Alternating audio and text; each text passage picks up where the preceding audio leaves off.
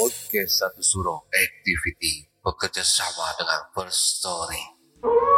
Plafon First Story ini sangat membantu saya untuk membuat publish show saya makin terkenal. Kalian perlu ketahui, ternyata platform Palugada ini sangat gampang sekali. Keren, lengkap, dan yang pasti 100% gratis. First Story tidak hanya mempermudah untuk mengelola podcast. Dalam hal distribusi pun, First Story memiliki banyak jaringan. Di antaranya Spotify, Apple Podcast, Noise, dan platform podcast lainnya. Podcastmu pun bisa monetisasi di First Story, menghasilkan keuntungan yang berlimpah. Tidak perlu berpikir lama, segera gunakan First Story dan bikin podcast kamu jadi terkenal. Gak pakai lama.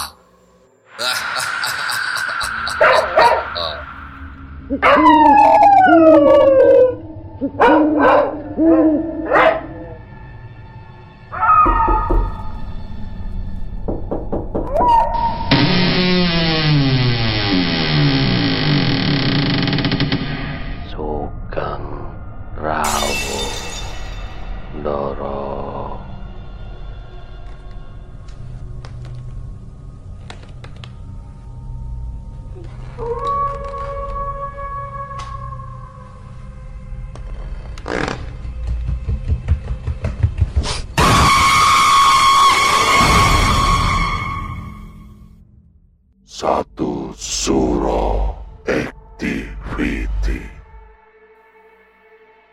Assalamualaikum warahmatullahi wabarakatuh. Selamat malam.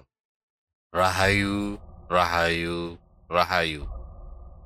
Para pendengar satu suro activity. Saya, Panembahan Dokter Mistik.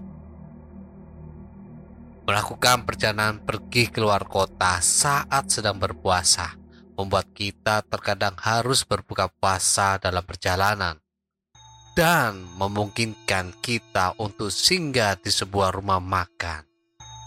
Tetapi bagaimana jadinya jika rumah makan tersebut tampak sesuatu yang mengganjal? Seperti halnya kisah mistis malam hari ini dari Kurnia. Selamat mendengarkan. Kejadian yang saya alami ini terjadi kisaran dua mingguan awal puasa pertama, tepatnya tanggal 26 Maret 2023. Perjalanan waktu itu jam 5 sore mau masuk jam buka puasa. Masuk wilayah Malang Kota. Kemudian perjalanan ke arah rumah mertua dari arah Malang Kota menuju Gunung Kawi yang melewati daerah Ngajum. Di daerah tersebut saya dan istri sempat berhenti sejenak di suatu tempat seperti warung atau rumah makan buat singgah buka puasa sebentar sebelum lanjut perjalanan ke rumah. Kurang lebih sampai rumah itu satu jam lagi soalnya perjalanan melewati hutan sama beberapa pesarean. Waktu itu masuk waktu maghrib. Saya mampir ke salah satu warung makan. Nama warung tersebut Warung Lesehan Gentong. Kelihatan sih asri ya kalau siang. Kalau senja sampai malam itu horor banget. Ya mungkin entah percaya nggak percaya sih orang kalau ada yang bilang di situ kalau datang waktu maghrib hawanya serem kayak masuk di suatu rumah yang angker gitu ya. Lembabnya aneh gitu.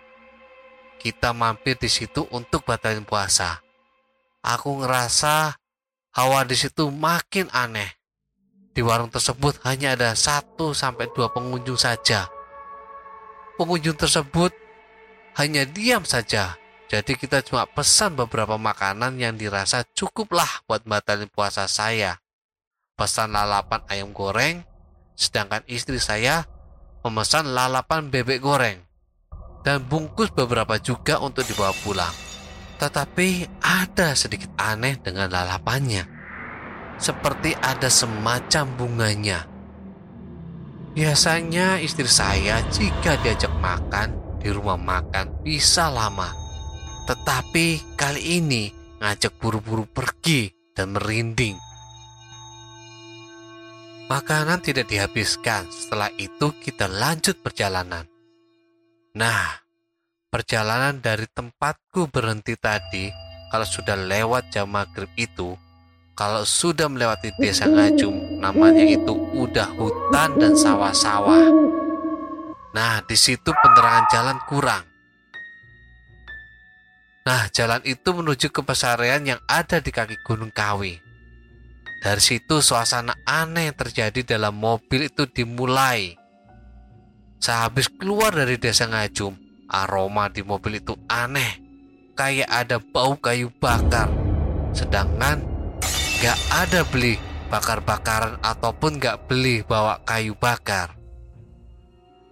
Gak lama, kita berhenti di salah satu minimarket di salah satu desa yang letaknya agak jauh dari desa Ngajum. Lalu saya ngecek itu tadi bau dari mana. Ternyata baunya hilang.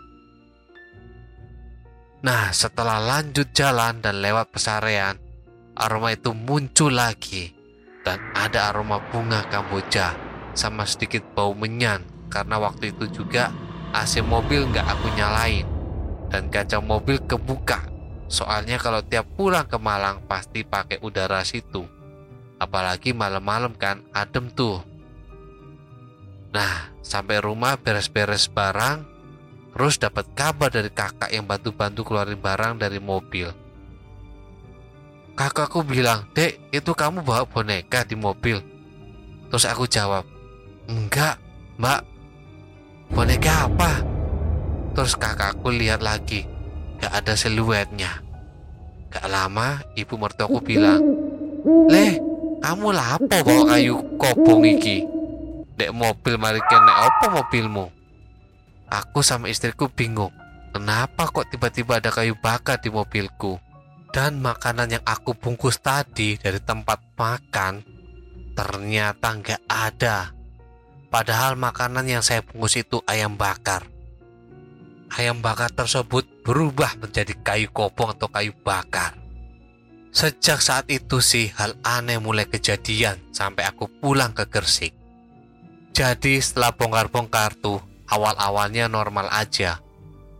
Pas ketika waktu masuk jam tidur, sekitar jam 12 malam, mau ke jam 1 lah, kira-kira tengah malam gitu, istriku tiba-tiba bilang, kok baunya berat?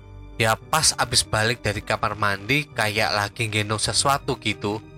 Terus aku suruh wudhu aja. Gak lama itu udah normal lagi.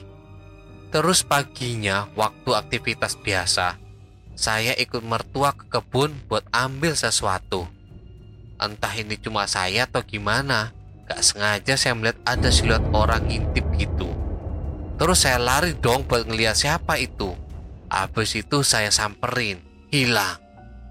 Basicnya kalau ada orang ngintip gitu, kalau disamperi pasti dia kaburnya kelihatan dong. Nah, tapi disamperin hilang. Nah, mertuaku bilang, lah boleh. Aku jawab, boten bu, niku mau wonten koyok tiang ngintip.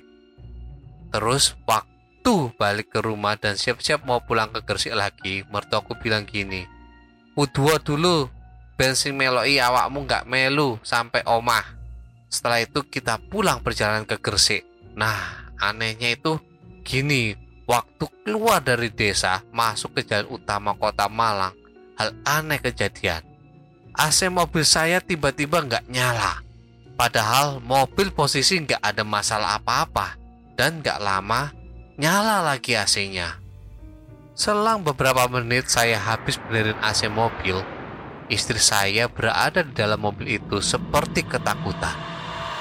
Dia bilang kalau dia habis lihat ada sosok hitam di belakang saya waktu saya ngecek mobil dan dia nggak henti-hentinya buat memutar solawat di HP dia. Jadi, sepanjang jalan dari tempat aku berhenti sampai masuk rumah, solawat sama surat yasin gak berhenti-henti diputar sampai dilafalkan. Pas waktu di rumah, posisi sudah nggak mutar itu lagi, ada kejadian aneh. Kayu bakar yang tadinya udah dibuang sama mertuaku, mendadak balik lagi di mobil saya. Kemudian besoknya saya memanggil kenalan teman saya yang kebetulan bisa tahu sesuatu yang mistis. Dan ternyata info dari teman saya tadi kalau itu kayu bakar dari kayu buat nutup jenazah. Dan untungnya sekarang sudah nggak ada apa-apa lagi karena sudah diusir oleh teman saya tadi. Menurut orang-orang tua bahwa setan di bulan Ramadan akan dikurung dan tidak bisa bebas mengganggu manusia. Tetapi ternyata peristiwa yang saya alami ini terjadi di bulan Ramadan, minggu pertama. Ternyata setan sekarang makin nekat. Dan setelahnya itu saya mencari info pria rumah makan tersebut. Ternyata rumah makan yang saya datangi tersebut sudah lama tutup. Para pendengar satu suro activity Itulah tadi sebuah kisah dari Kurnia mengenai pengalaman mistisnya saat sedang mencari rumah makan untuk berbuka puasa di bulan Ramadan. Ternyata rumah makan tersebut adalah rumah makan yang sudah lama tutup dan ketika membungkus ayam bakar berubah menjadi kayu bakar. Merinding banget para pendengar. Para pendengar satu suro activity Saran dari saya, jangan lupa mengucapkan salam jika berada di suatu tempat yang tampaknya singup dan angker dan aneh. Dan jangan lupa juga berdoa memohon perlindungan dan keselamatan kepada Allah Subhanahu wa taala. Para pendengar satu suro activity, tinggalkan catatan doa kalian di kolom komentar. Like, subscribe, dan bunyikan lonceng keramatnya para pendengar satu suro activity.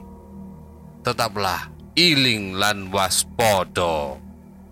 Assalamualaikum warahmatullahi wabarakatuh. Salam, salam, salam. Rahayu, rahayu, rahayu. Salam.